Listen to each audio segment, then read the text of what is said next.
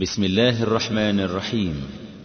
والآن مع الشريط الثاني من هذا الإصدار الإمام البخاري رحمه الله. إن الحمد لله تعالى نحمده ونستعين به ونستغفره ونعوذ بالله تعالى من شرور أنفسنا وسيئات أعمالنا. من يهد الله تعالى فلا مضل له ومن يضلل فلا هادي له وأشهد أن لا إله إلا الله وحده لا شريك له وأشهد أن محمدا عبده ورسوله. أما بعد فإن أصدق الحديث كتاب الله تعالى وأحسن الهدي هدي محمد صلى الله عليه وآله وسلم وشر الأمور محدثاتها وكل محدثة بدعة وكل بدعة ضلالة وكل ضلالة في النار. اللهم صل على محمد وعلى آل محمد كما صليت على إبراهيم وعلى آل إبراهيم في العالمين إنك حميد مجيد. وبارك على محمد وعلى آل محمد كما باركت على إبراهيم وعلى آل إبراهيم في العالمين إنك حميد مجيد. فما زلنا مع الإمام البخاري رحمه الله وكتابه الصحيح. وكنا وقفنا في الدرس الماضي عند رحلة الإمام البخاري الأولى والتي بدأها سنة 210 هجرية وكان له ستة عشر ربيعا ورحل إلى مكة مع أمه ومع أخيه أحمد. ثم رجعت أمه وأخوه إلى بلده بخارى وتخلف هو في طلب الحديث. ورحلة الإمام البخاري رحلة واسعة شملت كل أقطار الإسلام تقريبا. وفي كل بلد من البلاد التي كان يطأها كان يأخذ عن كبار شيوخها. فهو لما نزل إلى مكة في رحلته الأولى سمع من أبي الوليد أحمد ابن الوليد الأزرقي اللي هو صاحب كتاب أخبار مكة وسمع من عبد الله بن الزبير الحميدي أيضا وسمع من عبد الله بن يزيد المقري. وبعد ما ظل في مكة لمدة سنتين نزل إلى المدينة فسمع من تلامذة مالك والليث بن سعد وغيرهما. فسمع من عبد العزيز الأويسي ولقي أيضا مطرف ابن عبد الله وإبراهيم ابن المنذر وعبد الله بن يوسف التنيسي وهؤلاء الذين نقلوا له حديث مالك والليث. ثم رحل بعد ذلك إلى البصرة وقد ذكر البخاري أنه دخل البصرة أربع مرات. ولقي فيها أبا عاصم النبيل وهو من كبار شيوخه ممن حدثوه عن التابعين وهو من الطبقة الأولى من شيوخ البخاري رحمه الله كما ذكرنا في الدرس الماضي. وأيضا لقي حرمي ابن عمارة وسليمان ابن حرب وعفان ابن مسلم الصفار وعارم محمد بن الفضل السدوسي مع آخرين. أما الكوفة وبغداد فالبخاري يقول لا أحصي كم مرة دخلت الكوفة ولا بغداد.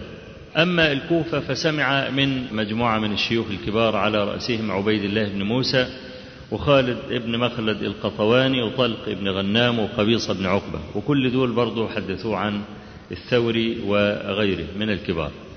في بغداد وكانت بغداد عاصمة الخلافة العباسية آنذاك وكانت مأهولة بالعلماء. لقي فيها الكبار لقي فيها أحمد بن حنبل ولقي فيها يحيى بن معين وسريد بن النعمان ومحمد بن عيسى الطباع مع آخرين يطول الأمر بذكرهم. وامتدت رحلته أيضا حتى شرف مصر بدخوله. فأتى مصر فسمع من سعيد بن الحكم سعيد بن عبد الله بن الحكم ابن أبي مريم وسمع من عبد الله بن صالح كاتب الليث وهو الذي يكنى بأبي صالح. وأيضا سمع من أصبغ ابن الفرج وسعيد بن كثير بن عفير في آخرين يطول الأمر بذكرهم. ودخل الشام أيضا وسمع من الشام وكانت الشام أيضا في ذلك الزمان مأهولة بأهل العلم الكبار فسمع من محمد بن يوسف الفريابي وآدم بن أبي إياس وسمع من أبي اليمان الحكم ابن نافع الذي نقل إليه حديث شعيب بن أبي حمزة. لأن حديث شعيب بن أبي حمزة يرويه البخاري عن أبي اليمان فقط عن أبي اليمان. وطبعا تعرف شعيب بن أبي حمزة هذا أحد أصحاب الزهري. يعني فكون يكون بين البخاري والزهري رجل واحد هذا علو هذا علو كبير. أما بلاد بقى ما وراء النهر زي نيسابور والجزيرة ومرو وبلخ وهذه البلاد فلا نحصي كم مرة دخلها الإمام البخاري. كانت ثمرة هذه الرحلة الكبيرة كثرة عدد شيوخ البخاري. دخل البخاري مرة بلخ فسألوه أن يحدثهم عن كل شيخ حديثا واحدا.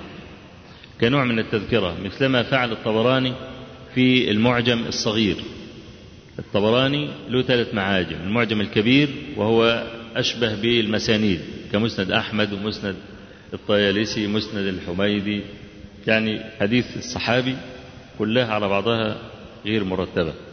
يقول لك حديث أبي بكر الصديق ويجيب لك حديث أبي بكر على بعضها. حديث عمر وهكذا. والمعجم الأوسط هو أخو المعجم الصغير. لكن الفرق بينهما أن المعجم الصغير يكتفي فيه الطبراني بحديث واحد لكل شيخ أما المعجم الأوسط فالطبراني يورد في ترجمة كل شيخ عدة أحاديث كثرت أو قلت. لكن هو الترتيب نفسه واحد أنه رتب المعجم على أسماء شيوخه المعجم الصغير والمعجم الأوسط هما الاثنين إخوات لكن ده صغير وده أوسط أكبر منه شوي أكبر منه أنه هو بيورد في ترجمة العالم من هؤلاء عشرين حديث ثلاثين حديث مئة حديث كيفما اتفق. لكن في الصغير يكتفي بإيه؟ يكتفي بحديث واحد لكل شيخ كتذكرة أنه لقي هذا الشيخ وشافهه بالحديث. طلبوا في بلخ من الإمام البخاري أنه هو إيه يحدث عن كل شيخ لقيه بحديث واحد فحدثهم ألف حديث. يبقى عدة من لقيهم البخاري ألف شيخ. وقد صح عنه أنه قال كتبت عن ألف شيخ وزيادة فذكر الكرماني وهو أحد شراح البخاري أن هذه الزيادة تعدل ثمانين نفسا. يبقى جملة مشايخ البخاري ألف وثمانون نفسا. حدث من هؤلاء الألف وثمانين نفسا حدث عن مئتين وتسعة وثمانين نفسا في الصحيح. يعني جملة شيوخه في الصحيح 289 شيخا. هذه الرحلة في طلب الحديث كانت سمتا عاما عند أهل الحديث وهم فرسان هذا الميدان. لا ترى لأصحاب أي فن آخر سواء كانوا من الفقهاء أو كانوا من اللغويين أو كانوا من المفسرين. لا ترى عندهم عشر عشر معشار ما كان عند المحدثين من الرحلة في طلب الحديث. والرحلة في طلب الحديث لها جانب مأساوي. الجانب المأساوي يتعلق ببذل النفس حتى درجة الفقد الإنسان لما كان بيرحل لطلب الحديث كان بيتعرض للموت. أما مسألة العري والجوع ونفاد النفقة فهذا كالمتواتر بل هو متواتر. قل أن يرحل أحد إلا أنفق ماله جميعا وتعرض للموت بسبب فقدان النفقة. كل هذا ليجمعوا لنا سنة النبي صلى الله عليه وآله وسلم. وكان الواحد من هؤلاء يرحل الأيام الكثيرة والمفاوز البعيدة لأجل ضبط كلمة واحدة أو للتأكد من صحة حديث واحد أو لمعرفة من المخطئ من الرواة في لفظة أو في حرف أو في حديث بأكمله. يحيى بن معين لما جاء مر لعفان بن مسلم الصفار. وهو أحد شيوخ يحيى وأحمد. قال له اقرأ علي حديث حماد بن سلمة. قال ما سمعته من أحد قبلي؟ قال سمعته من سبعة عشر نفسا وأنت الثامن عشر. فأبى عفان أن يحدثه ورأى أن ده فيه نوع من الإيه؟ من التكثير غير المجدي. لما تسمع حديث حماد بن سلمة 17 نفس وأنا رقم 18 هتعمل إيه؟ بكل هذا السماع. قال لا أحدثك. قال له إن لم تحدثني لأنحدرن إلى أبي سلمة. أبو سلمة أبو ذكي وهو موسى ابن إسماعيل. قال أنت وشأنك. فانحدر يحيى إلى البصرة. فقال لأبي سلمة حدثني بحديث حماد. قال ما سمعته من أحد قبلي؟ قال سمعته من سبعة عشر نفسا وأنت الثامن عشر. قال له ولما؟ ليه بقى بتكثر السماع. شوف بقى كلام يحيى. قال إن حماد بن سلمة كان يخطئ. فإذا رأيت أصحابه اجتمعوا عليه فيكون الخطأ منه.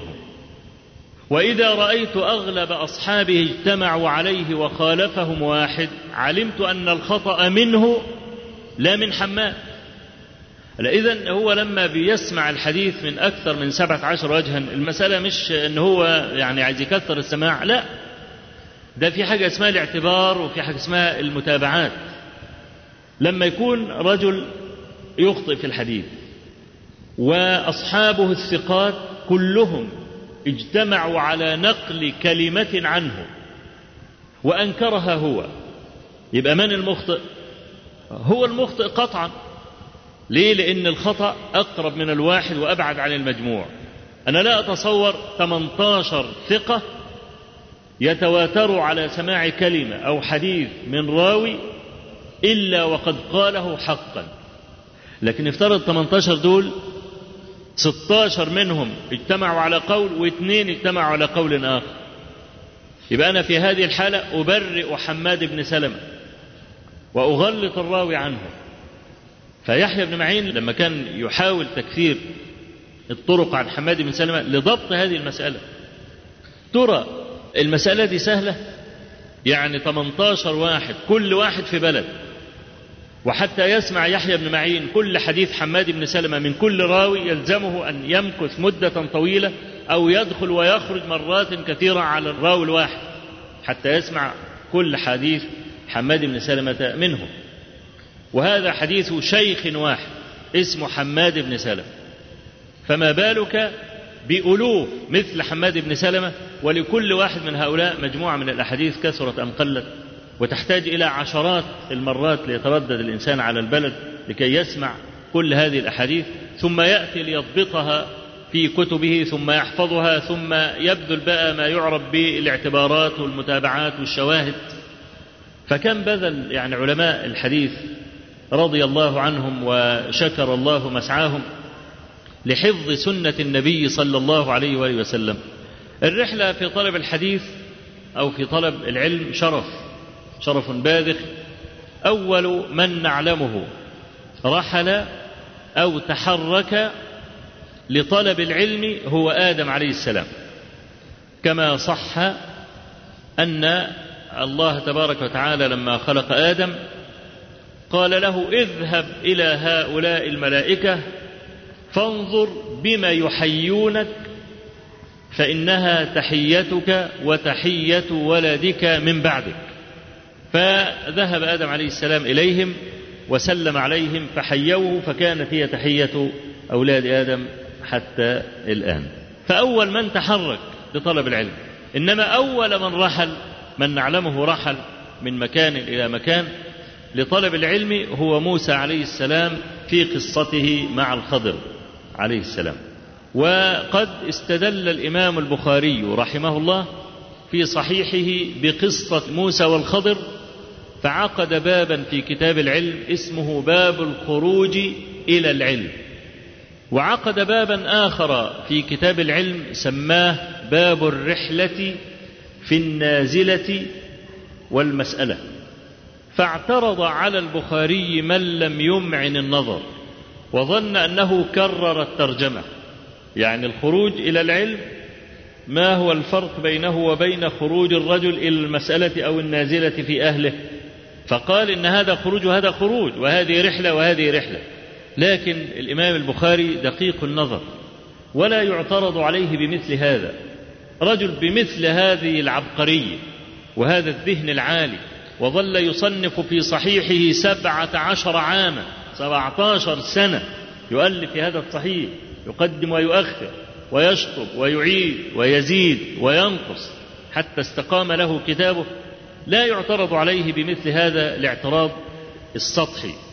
الإمام البخاري أراد أن يقول من عرض له حكم أو مسألة فليرحل إليها ولو لوحدها فهناك فرق بين من يرحل لطلب العلم عامة وبين من يرحل لمسألة تخصه ثم لعله لا يرحل بعدها.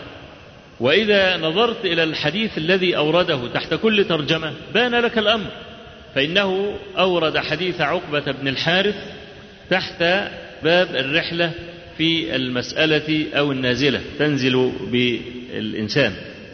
وحديث عقبة بن الحارث إن مرة دخلت عليهم امرأة سوداء هو وامرأته وكما في بعض الطرق الأخرى كانت تطمع في صلة. عايزة إيه؟ عايزة صلة أموال أكل أي حاجة. فعايزة يعني تحنن قلبهم عليها فقالت أطعماني فإنني أرضعتكما. شوف جاية بقى إيه تكحلها عمتها هي فاكرة لما تقول أنا رضعتك؟ ويبقى هي أمه في الرضاع مثلا يقوم قلبه يحن عليه. فهي لما تقول أنا رضعتكم أنتوا الاثنين يبقى هو ومراته أخوات من الرضاع. فدي كارثة لأنها هتفرق بينهم وقد كان.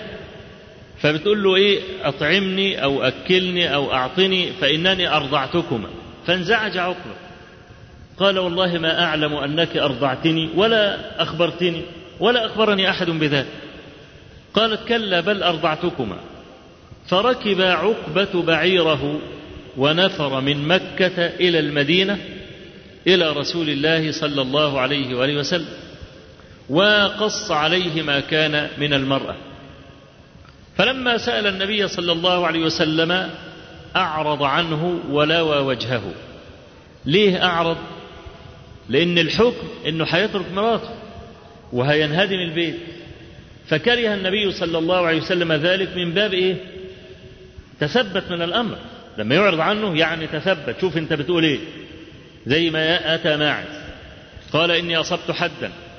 فطهرني. فأعرض عنه. فأمها ماعز جيله من قبل وجهه. قال له إني أصبت حدا. فأعرض عنه. أم جايله من قبل وجهه. كل ده النبي صلى الله عليه وسلم بيلوي وجهه. عن ماعز لأن إذا ثبتت عليه التهمة دي معناها القتل على طول.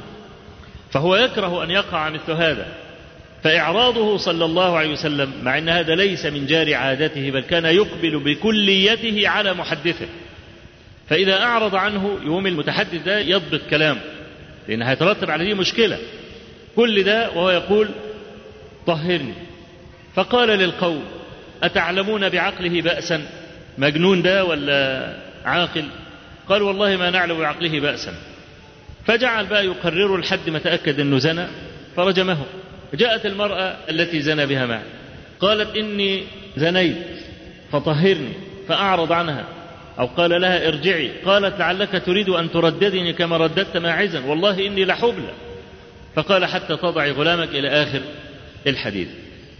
فالنبي عليه الصلاة والسلام أعرض عنه. فكل ما يعرض عنه يأتيه عقبة من قبل وجهه ويقول يا رسول الله إن المرأة تقول كذا وكذا. قال فارقها.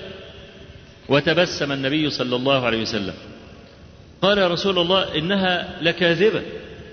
إنها امرأة تقول. قال كيف وقد قيل؟ دعها عنك. فارقها. ففارقها عقبة وتزوجت المرأة رجلا آخر. لا نحفظ لعقبة بن الحارث رحلة غير هذه. وما رحل إلا لمسألة واحدة. ده معناه إيه؟ معناه أنه يجب على كل مسلم عرض له شيء في دينه أو نزلت به نازلة أن يسأل أهل العلم في بلده إن وجد. فإن لم يجد في بلده أحدا فعليه أن يرحل لهذه المسألة ولو لوحدها.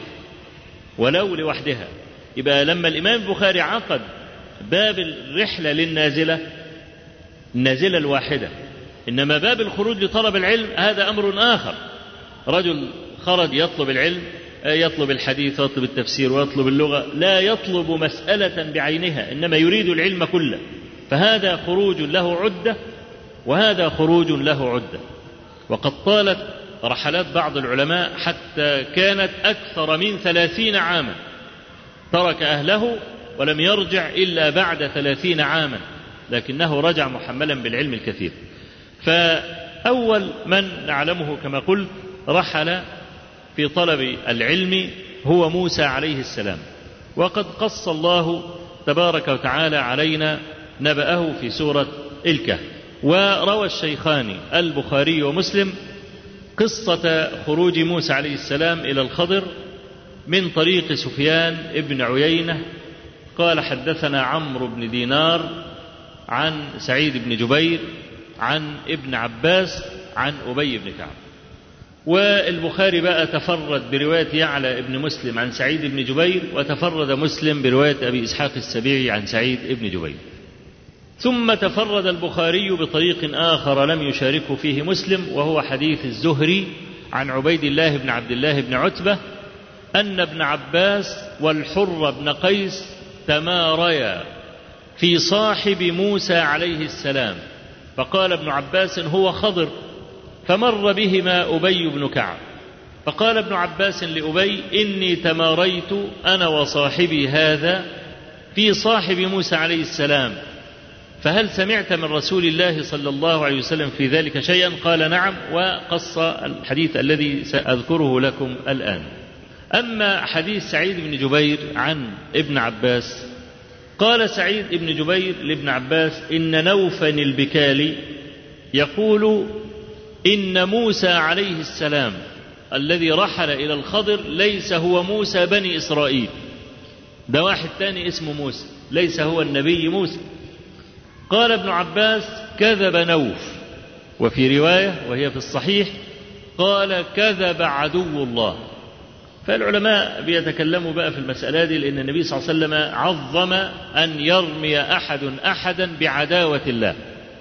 قال من قال لأخيه يا كافر أو نبذه بعدو الله فإن لم يكن كذلك وإلا حارت إليه.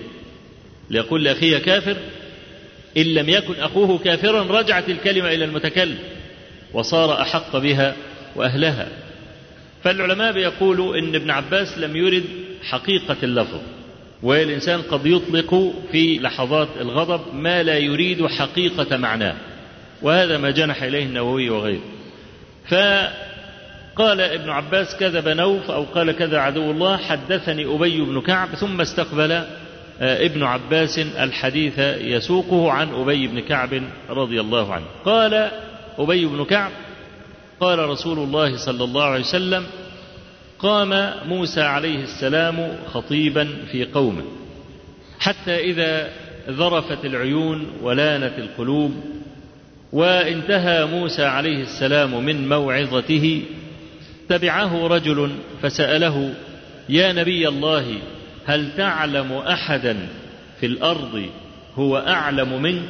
قال لا. فعتب الله عز وجل عليه أنه لم يرجع العلم إليه. وكان ينبغي أن يقول الله أعلم. إذ كم في الزوايا خبايا ولا زال في الناس بقايا. فعتب الله عز وجل عليه إذ لم يرجع العلم إليه وقال كلا إن لي عبدا بمجمع البحرين هو أعلم منك. قال موسى أي ربي كيف لي به؟ فأمره الله عز وجل أن يأخذ معه نونا أو حوتا مشويا وينطلق إلى مجمع البحرين موضع مكان فحيث يفقد الحوت فهو ثم أي الخضر في ذلك المكان الذي سيفقد فيه الحوت. نام موسى عليه السلام من الإجهاد وأمر غلامه أن يتابع الحوت. الحوت المشوي اللي هو كان كان موسى عليه السلام أعده لغدائه هو وفتاه يوشع بن نون. لما نام موسى عليه السلام فالحوت رد الله عز وجل فيه الروح وقفز من المكتل ونزل في البحر. وأمسك الله عز وجل عنه جرية الماء. يعني مش إن هو خلاص هرب في البحر لا اتحبس. كأنه محطوط في شيء زجاجي أو مربوط. عشان يكون علامة إن الخضر هنا. استيقظ موسى عليه السلام من النوم وواصل الإيه؟ الرحلة في طلب الخضر مع غلامه. وبعد مضي زمن قال لفتاه آتنا غداءنا لقد لقينا من سفرنا هذا نصبا فهات الحوت نكله قال له أنا نسيت. ده الحوت قفز في الماء لما أنت كنت نايم وكرهت أن أوقظك. فارتد على آثارهما قصصا. قصصا أي جعل يقص الخطوات بتاعته مرة تانية. وأنت عارف أصل القصص من القص وهو الإعادة. قص وهو الإعادة. أنت لما بتحكي حكاية تعيد الأحداث الماضية. فهو لما مشى بأقدامه وبعدين رجع يمشي الأقدام مرة تانية اسمه قصها. واخد بالك؟ قال ذلك ما كنا نبغ هو في المكان ده بغيتنا. فارتد على آثارهما قصصا. أول ما وصلوا هناك وجدوا الخضر متدثر بعباءة خضراء. فألقى عليه موسى السلام فقال له الخضر وهل بأرضي سلام؟ من أنت؟ قال أنا موسى. قال موسى بني إسرائيل؟ قال نعم هو ده الشاهد بقى. اللي بيرد بقى بيه على مين؟ على نوف البكالي الذي يقول إن موسى ليس هو موسى بني إسرائيل. فالخضر عليه السلام بيسأل موسى عليه السلام قال موسى بني إسرائيل؟ قال نعم. قال اعلم يا موسى أنك على علم علمكه الله لا أعلمه أنا وأنا على علم علمنيه الله لا تعلمه أنت.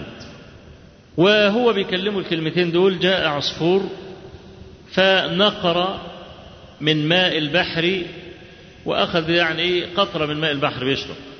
قال يا موسى مثل علمي وعلمك إلى علم الله كمثل ما أخذ هذا العصفور من ماء البحر.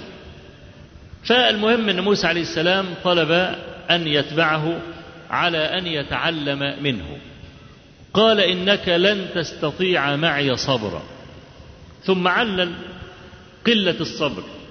قال وكيف تصبر على ما لم تحط به خبرا فعلمنا أن كل جهل يقع فيه المرء وأقصد بالجهل اللي هو الحمق يعني كل حمق أو كل معنى ينافي الصبر من كل وجه سببه عدم العلم كل انفعال ينفعله الإنسان وكل جهل يجهله على أي إنسان سببه عدم العلم كل جرأة على المعاصي سببها عدم العلم بقدر الله وما قدر الله حق قدره وما عصى أحد ربه قط إلا وهو جهول. إذ لو كان مستحضرا لقدر الله ما استطاع قلبه أن يقوم في مشهد العصيان ابدا. لكن جهله وحمقه وعدم توقيره لربه هو الذي زج به في المعصية. فهو بيقول وكيف تصبر على ما لم تحط به خبرا أي أنك لقلة خبرتك بما سترى لم تصبر. قال ستجدني إن شاء الله صابرا. وإنما استثنى حتى يخرج من الحول والقوة ومن العزم عزم نفسه ويطرح نفسه بين يدي ربه تبارك وتعالى لعله يثبته. قال الرسول صلى الله عليه وسلم فقال له الخضر فإن اتبعتني فلا تسألني عن شيء حتى أحدث لك منه ذكرا. وهنا شيء لطيف في قول الخضر عليه السلام لموسى عليه السلام.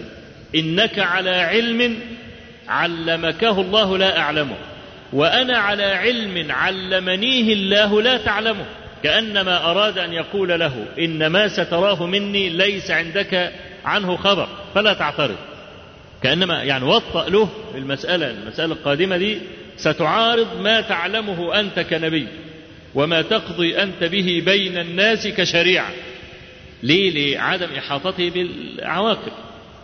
المهم إن الخضر عليه السلام قال له لا تسألني عن شيء حتى أحدث لك منه ذكرا.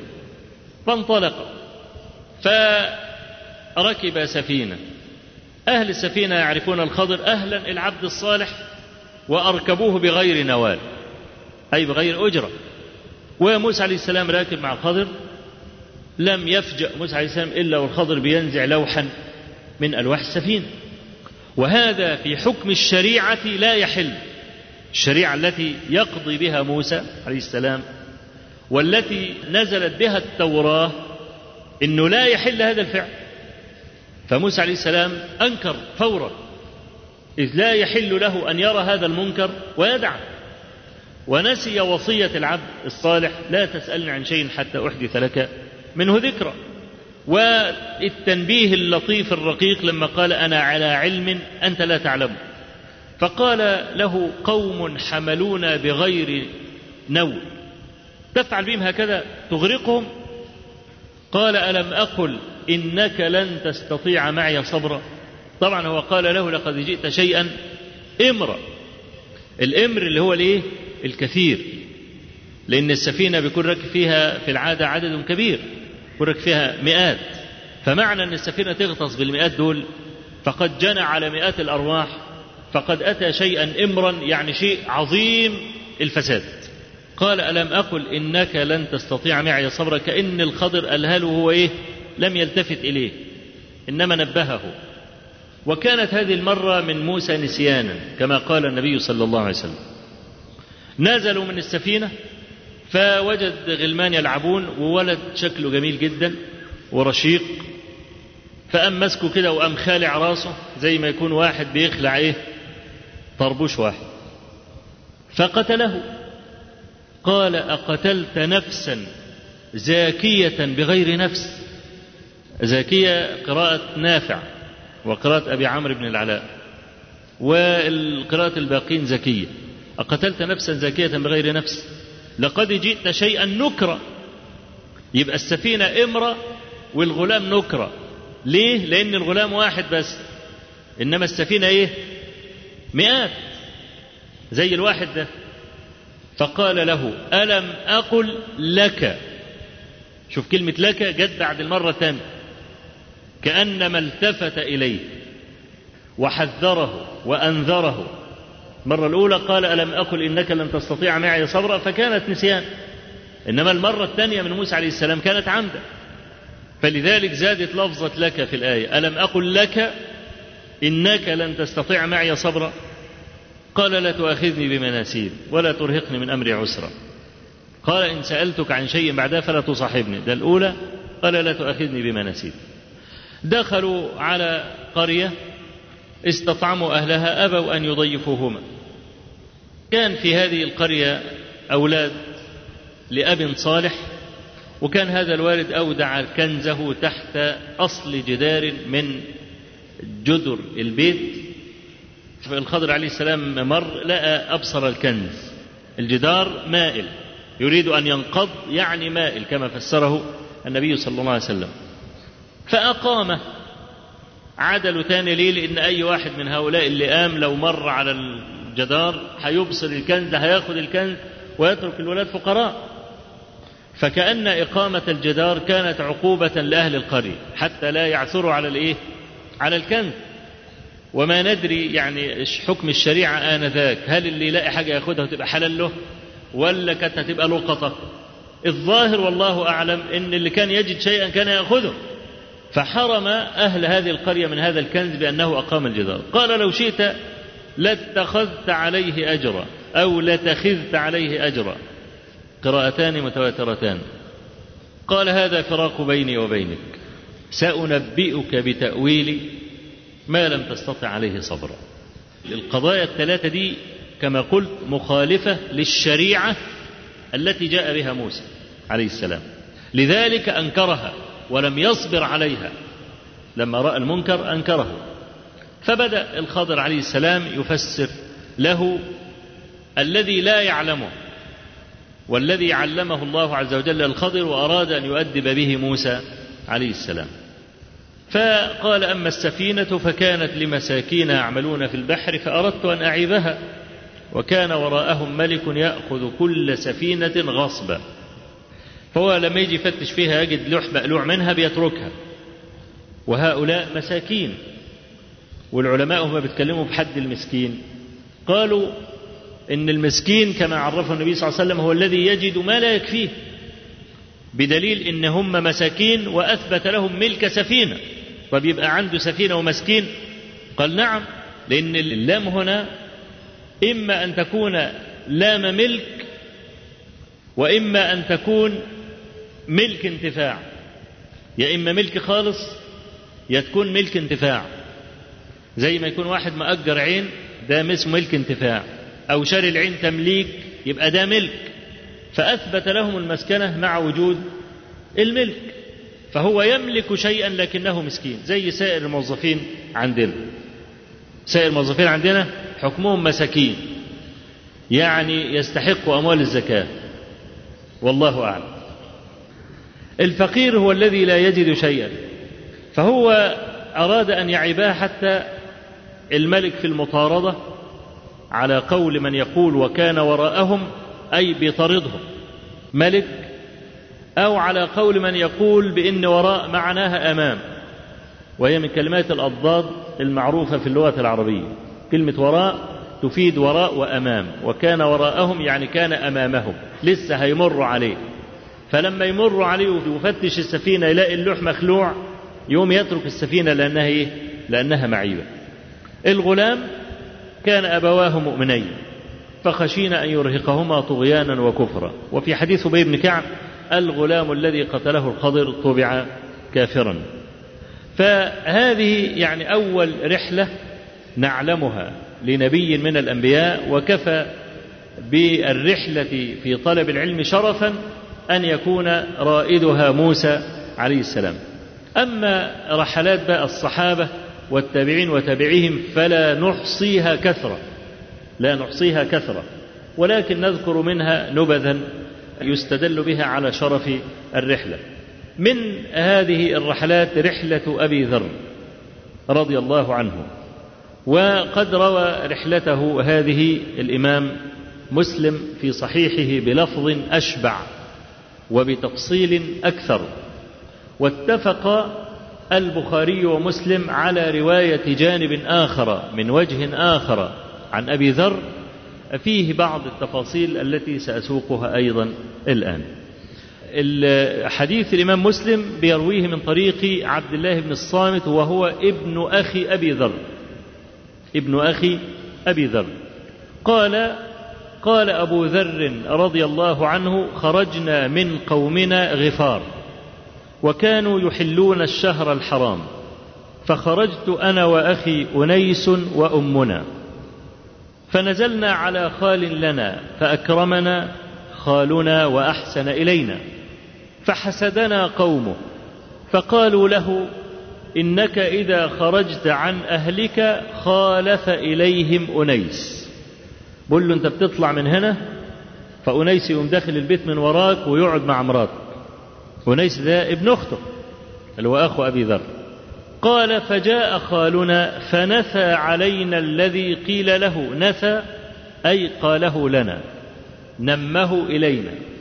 فقلت له أما ما مضى من معروفك فقد كدرته ولا جماع لك فيما بعد. ودي عادة في بني آدم. الإحسان لا يحيا إلا بإحسان. عايز تموت الإحسان بتاعك ثبت إساءة. يقوم المحسن إليه ينسى لك إحسانك ولا يذكر إلا الإساءة. تفضل تخدمه طول عمرك ثم أسأت إليه مرة. ينسى إحسانك بالكلية ولا يذكر لك إلا الإساءة. فأنت عايز إحسانك الكثير عايز تحييه تفضل على سيرة الإحسان دائما. هتسيء هتكدر الإحسان الماضي. فأبو ذر بيقول يعني ما مضى من إحسانك فقد كدرته ولا جماع لنا معك فيما بعد. فقربنا صرمتنا الصرمة اللي هي الناقة. فاحتملنا عليها وتغطى خالنا ثوبه وجعل يبكي. هم ماشيين بقى وهو بعيط عليه فانطلقنا حتى نزلنا بحضرة مكة فنافر أنيس عن صرمتنا وعن مثلها. فأتيا الكاهن فخير أنيسا فأتانا أنيس بصرمتنا ومثلها معها. يقول أبو ذر رضي الله عنه انطلقنا حتى نزلنا بحضرة مكة فنافر أنيس عن صرمتنا وعن مثلها. نافر عن صرمتنا كان أنيس رجلا شاعرا. فأول ما نزل مكة فدخل في منافسة شعرية مع رجل آخر. ده يقول شعر وهو يقول شعر واتفقوا على إن اللي يكسب ياخد صرمة الآخر ياخد الناقة بتاع الآخر. أنيس معه ناقة والرجل الثاني الشاعر معه ناقة قال له ندخل مبارزة شعرية. اللي يكسب فينا ياخد الإيه؟ ياخد ناقة أخيه. فالمهم دخلوا في المبارزة الشعرية دي برهان الإيه؟ الناقة. وقاموا نازلين رايحين على كاهن عشان يفصل بينهم. فخير أنيسا. قال لا أنيس ده اللي يكسب. فقام واخد الصرمة بتاعت مين؟ بتاعت الصرمة. ها؟ وقام راجع بصرمتين. ده معنى كلام أبي ذر رضي الله عنه. قال فأتانا أنيس بصرمتنا ومثلها إيه؟ معها. لما كسب الإيه؟ الرهان. قال أبو ذر لعبد الله بن الصامت يا ابن أخي وقد صليت قبل أن ألقى رسول الله صلى الله عليه وسلم بثلاث سنين. قلت لمن؟ قال لله. قلت فأين توجه؟ لما كنت بتصلي كنت بودي وشك فين؟ قال حيث يوجهني ربي. أصلي عشاء حتى إذا كان من آخر الليل ألقيت كأني خفاء. زي ما يكون إيه؟ هدمة كده. كتر بقى الصلاة والتعب والكلام ده. يلقي نفسه كأنه هدمة بالية. حتى تعلوني الشمس. المهم أن أبا ذر أرسل أنيسا ليعرف له أخبار ذلك الذي يزعمون أنه نبي. فانطلق أنيس حتى أتى مكة. قال فراث علي. راث علي يعني غاب عني وتأخر. ثم جاء فقلت له ما صنعت؟ قال لقيت رجلا بمكة على دينك. وهو يعني رسول الله صلى الله عليه وسلم. يزعم أن الله أرسله. فقال له أبو ذر فما يقول الناس؟ قال يقولون شاعر كاهن ساحر وكان أنيس أحد الشعراء.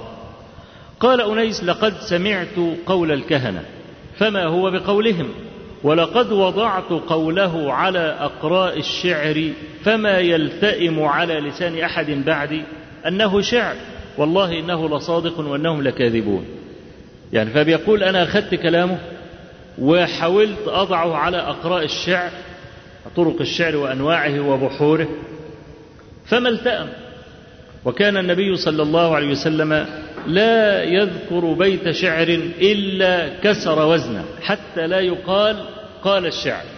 حتى لا يقال قال الشعر. تعرف الشعر له بحور وله تفعيلات وأوزان. فكان يكسر الوزن. فإذا كسر الوزن فلا يكون شعرا. وحتى في في الرجز عند من يقول أن الرجز من الشعر. لأن هناك من يقول ليس الرجز شعرا. حتى الرجز لأن له وزن كان بيكسره.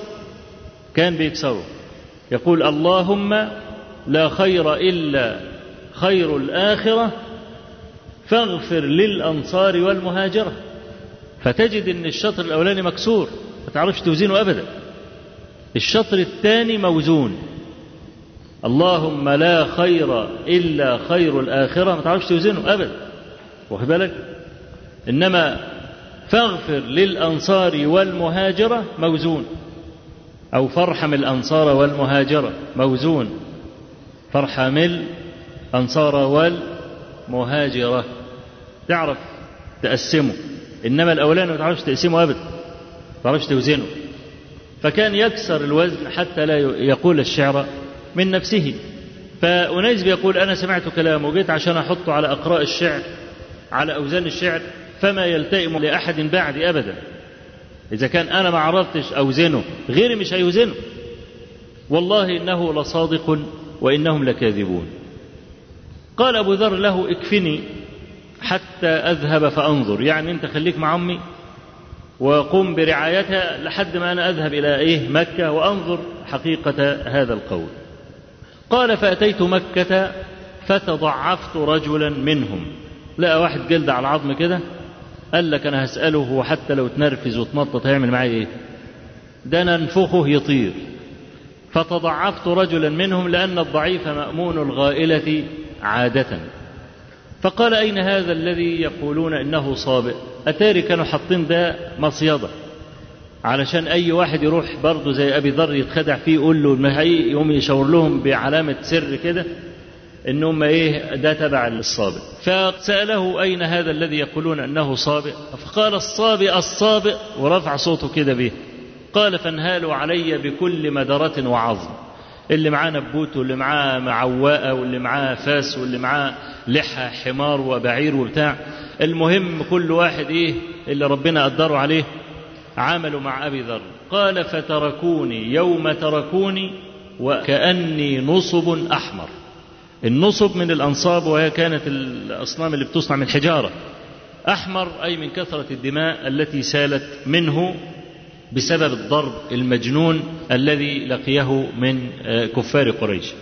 يقول فأتيت زمزم. هرب منهم ونزل زمزم فغسلت عني الدماء وشربت من مائها ولقد لبثت يا ابن أخي ثلاثين بين يوم وليلة أشرب من ماء زمزم ليس له طعام إلا ماء زمزم. حتى تكسرت عكن بطني ولم أجد على كبدي سخفة جوع. واللي ذهب إلى مكة وشرب من ماء زمزم؟ يشوف ماء زمزم تقيل تقيل كأنه يعني حاجة مضافة إلى الماء مش ماء رقيق زي الماء بتاعنا بتاع النيل أو الفرات لا. فقال حتى تكسرت عكن بطني العكن اللي هو إيه؟ طبقات اللحم. بقى إيه بقى مكرش كده واللحم طبقات اللحم بقت فوق بعضها من كتر الايه؟ التخن بتاعه. الكلام ده في محصلة 30 يوم. قال فبينما أهل مكة في ليلة قمراء إضحيان إضحيان يعني القمر 14 القمر كان بدرا. إذ ضرب على أسمختهم. ضرب الصماخ اللي هو تجويف الايه؟ الودن. وهذا كناية عن النوم. يعني كلهم ناموا في الليلة دي. فما يطوف بالبيت أحد.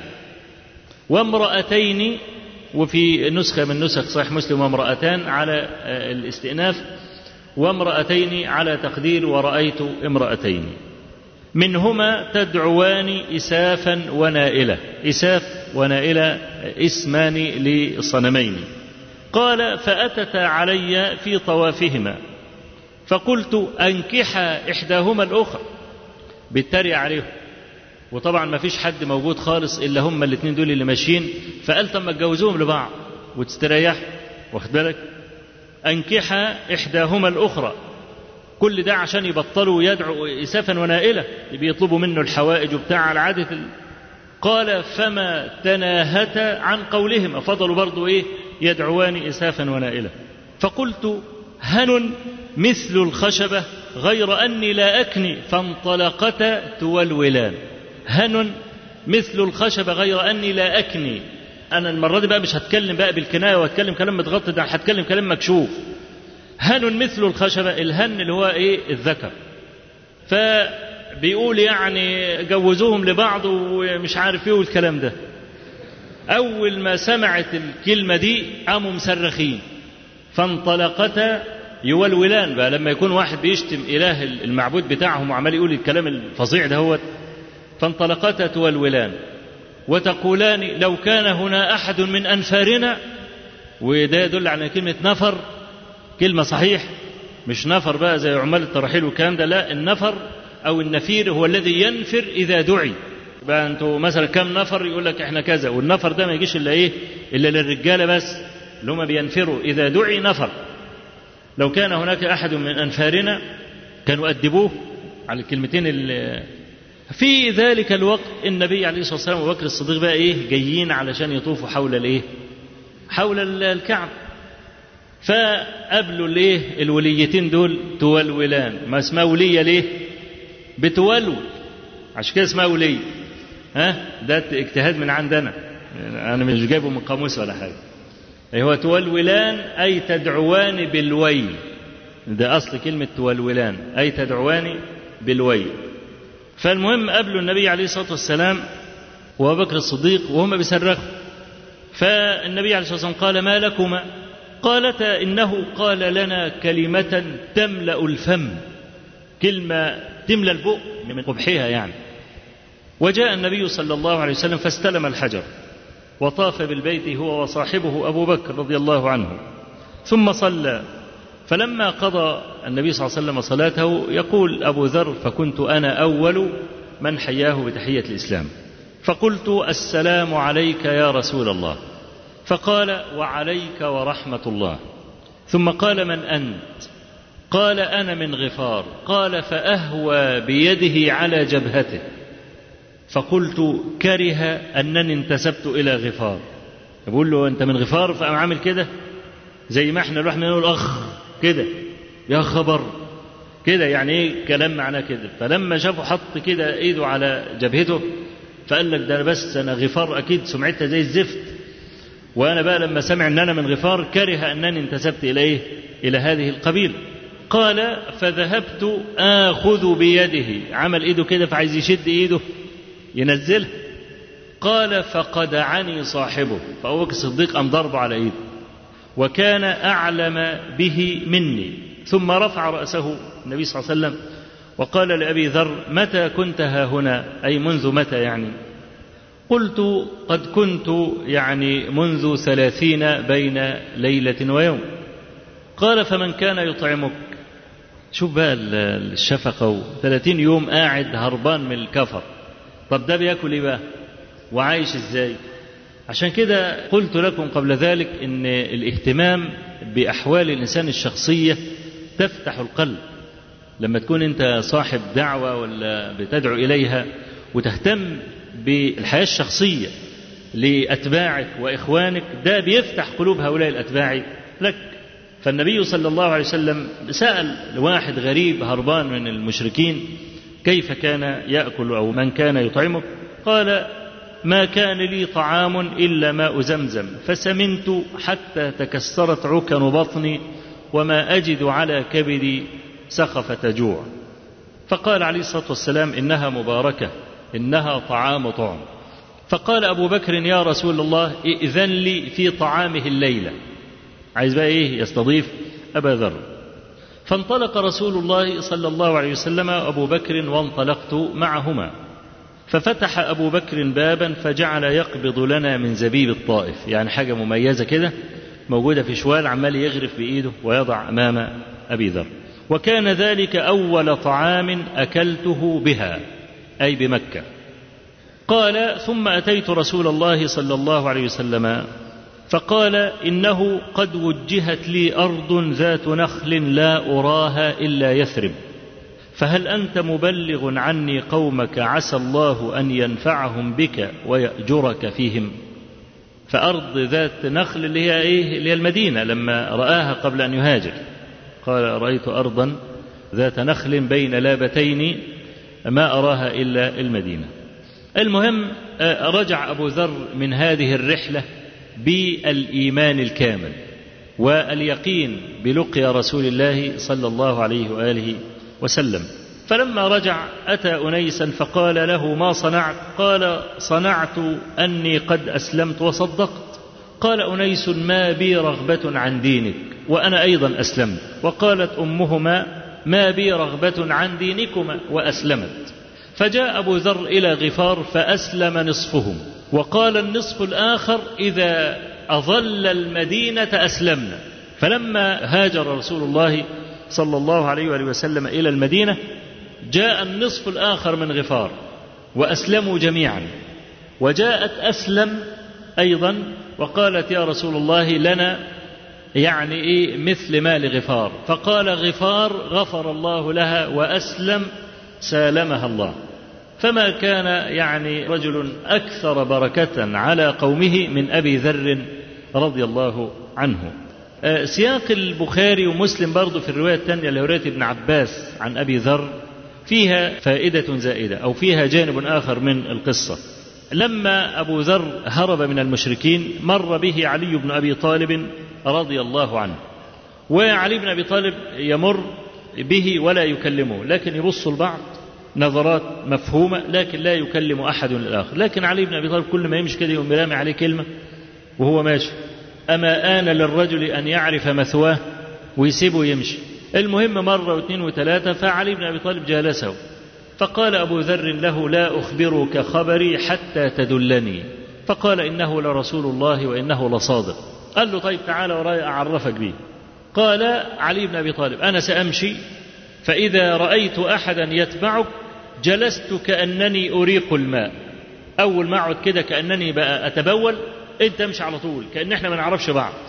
إيه عشان يأمنوا المهم أخذوا للنبي عليه الصلاة والسلام فدخل معه على رسول الله صلى الله عليه وسلم فالنبي عليه الصلاة والسلام قال له ارجع يعني إلى قومك فأخبرهم حتى يأتيك أمري. لما أبو ذر لقي النبي صلى الله عليه وسلم وإيمانه بقى زاد وارتفع وعلم أنه على الحق قال والله لأصرخن بها بين ظهرانيهم إحنا مخبيينها ليه؟ وراح المسجد الحرام وصرخ في المسجد الحرام والمشركين هناك لا إله إلا الله محمد رسول الله. قاموا بقى إيه؟ ضربوه حتى كأنه نصب أحمر. يبقى نقدر ندخل الحادثة دي ونربط بينها وبين الإيه؟ الحديث السابق. إن هو لما صرخ بها وقال لا إله إلا الله فضربوه لأجل هذا. أو يحتمل أنهم ضربوه مرتين. ضربوه في المرة الأولى لما دخل المسجد أول مرة فلما ذهب مع علي بن أبي طالب ولقي النبي صلى الله عليه وسلم ورجع فصرخ بها بين ظهرانيهم ضربوه مرة أخرى. فالذي خلصه منهم العباس ابن عبد المطلب. قال ويلكم ألا تعلمون أنه من غفار؟ وإن طريق تجارتكم يمر على غفار؟ فتركوه. تاني يوم برضو ما تبش عن الموضوع صرخ بها بين ظهرانيهم فأكبوا عليه جميعا يضربونه فما خلصه إلا العباس ابن عبد المطلب. فهذه رحلة أبي ذر كاد أن يتلف فيها وكاد أن يموت فيها لكنه رجع بالعلم والإيمان. وأيضا رحلة جابر ابن عبد الله وهذه رحلة عجيبة. وروى لنا خبرها الإمام أحمد في مسنده والبخاري في كتاب الأدب المفرد وصححه أبو عبد الله الحاكم النيسابوري في المستدرك.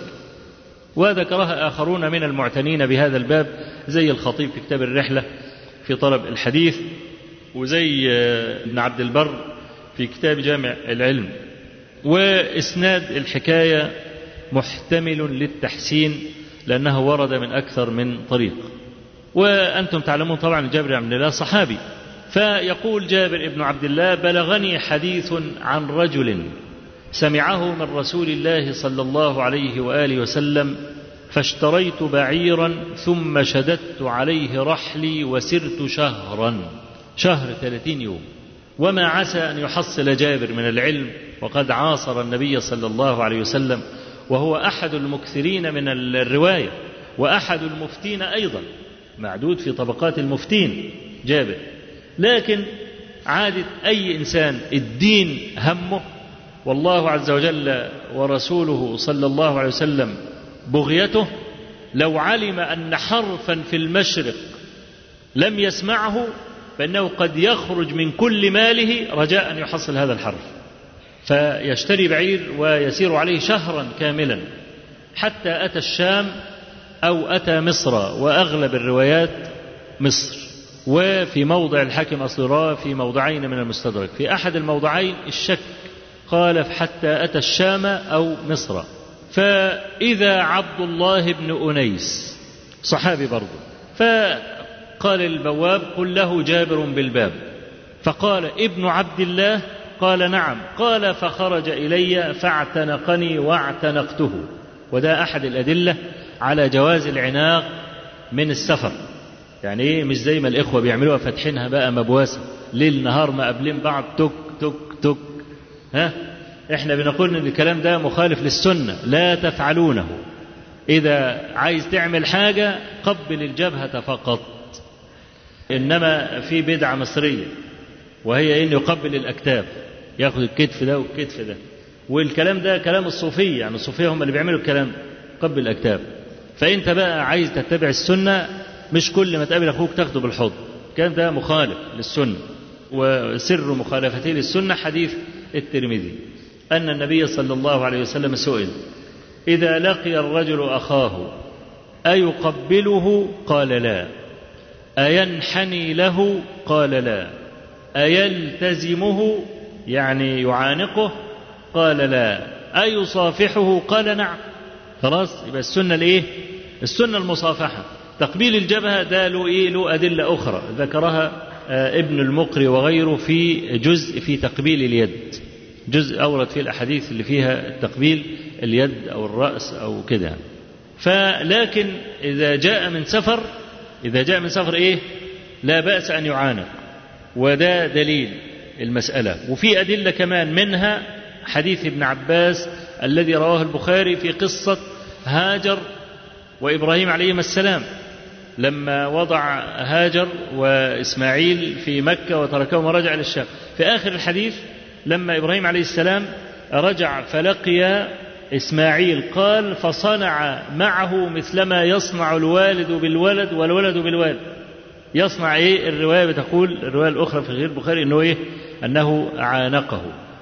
قال فخرج يطأ ثوبه. أول ما عبد الله بن أنيس عرف إن جابر بن عبد الله بالباب خرج يطأ ثوبه بيتكعبل في ثوبه من إيه؟ من سرعة المشي.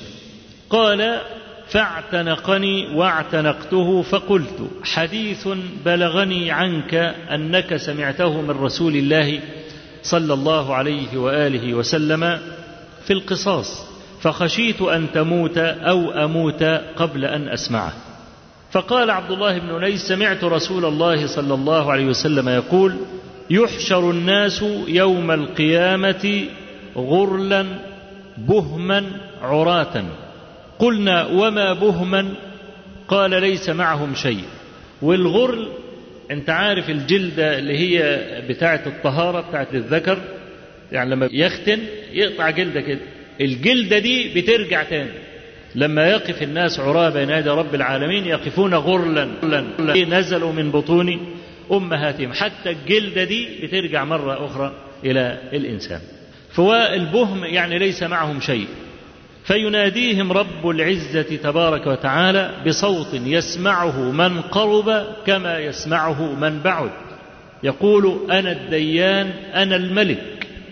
إنه لا يحل لأحد من أهل الجنة أن يدخل الجنة وأحد من أهل النار يطلبه بمظلمة حتى اللطمة. ولا يحل لأحد من أهل النار أن يدخل النار. وأحد من أهل الجنة يطلبه بمظلمة حتى اللطمة. وهذا من تمام عدل الله تبارك وتعالى. يقول حتى أقص ذلك منه. فقلنا يا رسول الله فكيف يكون ذلك وليس معهم شيء؟ قال بالحسنات والسيئات مقاصة بالحسنات والسيئات. فهذه رحلة جابر بن عبد الله أيضا ولم يمنعه ما فيه من العلم وما له من المكانة السامقة حتى بين المفتين من أصحاب النبي صلى الله عليه وسلم أن يسافر شهرا ثلاثين يوما ليسمع حديثا ظن أنه لم يسمعه من النبي صلى الله عليه وسلم رجاء أن يكون فيه شيء من العلم ينتفع به قبل أن يموت. وأيضا ابن عباس ابن عباس رضي الله عنهما كانت له رحلة إلى علماء الأنصار من الصحابة فيما رواه الدارمي في مقدمة سننه وهي مقدمة نافعة جدا. عايز طلبة العلم على وجه الخصوص يقرؤون مقدمة الدارمي فإنها في غاية النفع لطالب العلم خصوصا. فقد عقد في هذه المقدمة بابا للرحلة في طلب الحديث وأورد فيها هذا الخبر عن ابن عباس وقد روى هذا الخبر أيضا يعقوب ابن سفيان الفسوي في كتاب المعرفة والتاريخ ورواه أيضا الحاكم وابن عبد البر والخطيب البغدادي في الرحلة في طلب الحديث. بيروي هذا الأثر عن ابن عباس عكرمة مولاه. فيقول عكرمة رحمه الله عن ابن عباس رضي الله عنهما لما توفي رسول الله صلى الله عليه وسلم قلت لرجل من الأنصار يا فلان تعال فلنسأل أصحاب رسول الله صلى الله عليه وسلم فإنهم اليوم كثير. فقال له الرجل وعجبا لك يا ابن عباس أترى الناس يحتاجون إليك في يوم من الأيام وفيهم مثل أصحاب رسول الله صلى الله عليه وسلم وهذا العدد الكثير؟ فترك ذلك وقعد. قال وأقبلت على المسألة فإن كان لا يبلغني الحديث عن الرجل فآتيه وهو قائل فأتوسد ردائي على بابه فتسفي الريح على وجهي. وعلى الباب الريح تقوم بالتراب. إيه تعكر وجهه. فيخرج هذا الصاحب من بابه فيراني جالس على الباب. فيقول يا ابن عم رسول الله صلى الله عليه وسلم ما جاء بك؟ هلا أرسلت إلي؟ فأقول أنا أحق أن آتيك. ليه؟ لأنه متعلم. والتلميذ طالما أنه في دور التلمذة لا يجوز له أن يتصرف تصرف الأستاذ. أبدا.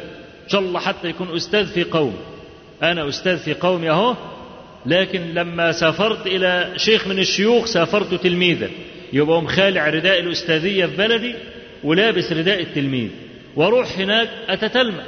إذا لم يفعل المرء ذلك لا يحصل علما أبدا لكن هيطلع من هنا أستاذ ويروح هناك أستاذ هيرميه برضه. فالمهم يطلع الصاحب دوات يسأله عن الحديث. طبعا أصحاب النبي صلى الله عليه وسلم إيه بيموتوا واحد ورا واحد ورا واحد وابن عباس كان صغيرا يوم مات النبي صلى الله عليه وسلم كان سنه 18 سنة تقريبا وعاش بعد ذلك زمانا. فمات كثير من الصحابة وبقي ابن عباس حتى صار له حلقة. يقعد بقى ابن عباس والدنيا كلها حواليه. فالرجل اللي هو كان صاحبه اللي كان بيقول له يلا عشان نطلب العلم إذا مر بالمسجد فيرى الحلقة الكبيرة دي حوالين ابن عباس فيقول والله لقد كان هذا الفتى أعقل مني لقد كان هذا الفتى أعقل مني. ثم أخيرا حديث إيه أبي موسى الأشعري رضي الله عنه والحديث في البخاري وقد آثرت أن أذكر سياق مسلم. بيرويه صالح بن صالح الهمداني أن رجلا جاء الشعبي عامر بن شراحيل الشعبي كان رجلا من التابعين جيدا وكان لطيفا وكان فقيها أيضا. قال له رجل مرة لما سمعه يتكلم عن تخليل اللحية قال إن لحيتي ثقيلة. قال انقعها من الليل. طبعا إيه يعني شاف إن هو مخه تخين. يعني هو شايف بيقول لك إيه وأنت بتغسل كده خلل اللحية. قال له إن لحيتي تقيلة قال له خلاص انقع من الليل من بعد العشاء كده دلدلها كده في إناء وسيبها لحد ما تخلل عشان لما تيجي توضى الفجر تبقى وصل الإيه؟ المية لجذورها. يقول جاء رجل من أهل خراسان إلى الشعبي رحمه الله فقال إنهم يقولون إن الرجل إذا أعتق أمته وتزوجها كالراكب بدنته ما عملش حاجة. ليه؟ لأن الرجل عنده أمة. تعرف أن الرجل له أن يتزوج إيه؟ كم واحدة؟ أربعة حرائر وعشرمية أمة. طبعا عشرمية ده إيه؟ يعني عدد حاجة ما تتعدش يعني. ده في إيه؟ في عرفنا إحنا الناس فلاحين. عشرمية يعني حاجة إيه؟ ما تقولش لا بليون ولا تريليون ولا الكلام ده. يعني له من الإماء ما شاء الله. عدد لا آخر له. خلاص؟ ويجوز له أن يعاشر الإماء كما يعاشر الزوجات الحرائر. فإذا أعتق الرجل أمته وتزوجها يبقى إيه اللي عمله؟ ما عملش حاجة. ما هي مراته مراته. ده كلام مين؟ الرجل اللي بتاع خراسان. بقول له طب هو إيه اللي عمله؟ طب هي كانت في متناول إيده. فلما أعتقه كتب كتابه عليها. هو كان عايز منها إيه تاني؟ يبقى زي ما يكون واحد راكب الإيه؟ الجحش بتاعه. يبقى ملوش فضل يعني. هو ده اللي عايز يقوله. أعتق أمته وتزوجها تحصيل حاصل. إيه اللي عمله يعني؟ فلما قال الكلمتين دول للشعبي فالشعب بقى برد عليه. قال له سمعت أبا موسى الأشعري يقول قال رسول الله صلى الله عليه وسلم ثلاثة يؤتون أجرهم مرتين. ثلاثة إيه؟ ثلاث أصناف يؤتى اجره مرتين. رجل كانت له وليدة فرباها وغذاها وأحسن غذاءها ثم أعتقها وتزوجها. ده يؤتى أجره إيه؟ مرتين ليس كالراكب بدنته. ظهر بقى أن المسألة مش تحصيل حاصل أهو.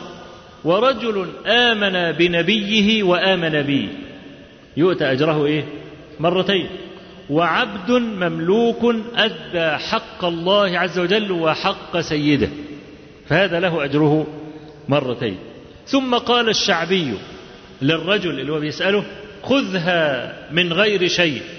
فلقد كان الرجل يرحل إلى المدينة فيما دون ذلك. يعني عايز يقول له ده جات لك بقى إيه دره ثمينة. حديث شوف يعني فيه المعاني الكبيرة دي وخدته وأنت قاعد بدون ما تدفع حاجة. ليه؟ لأن هو الشعبي مش منتظر بقى يدفع له فلوس. لا ده عايز يقول له لو انت كنت أنا مش موجود يعني وانت حبيت تسأل المسألة دي ورحت المدينة كنت هتأجر راحلة وهتأجر سكن في المدينة وتفضل تاكل وتشرب وترجع كل ده بفلوس. فيبقى انت عشان بقى تسمع الحديث ده صرفت مبلغ وقدر. لكن انت بقى سألت وخدت الفايدة وانت قاعد في بلدك قال خذها من غير شيء فلقد كان الرجل يرحل إلى المدينة فيما إيه دون ذلك. وللحديث بقية. في بعد ذلك إن شاء الله نكمل به رحلة أهل العلم لطلب العلم. أقول قولي هذا وأستغفر الله العظيم لي ولكم وصلى الله وسلم وبارك على نبينا محمد والحمد لله رب العالمين. أخي الكريم تتمة هذه المادة على الشريط التالي.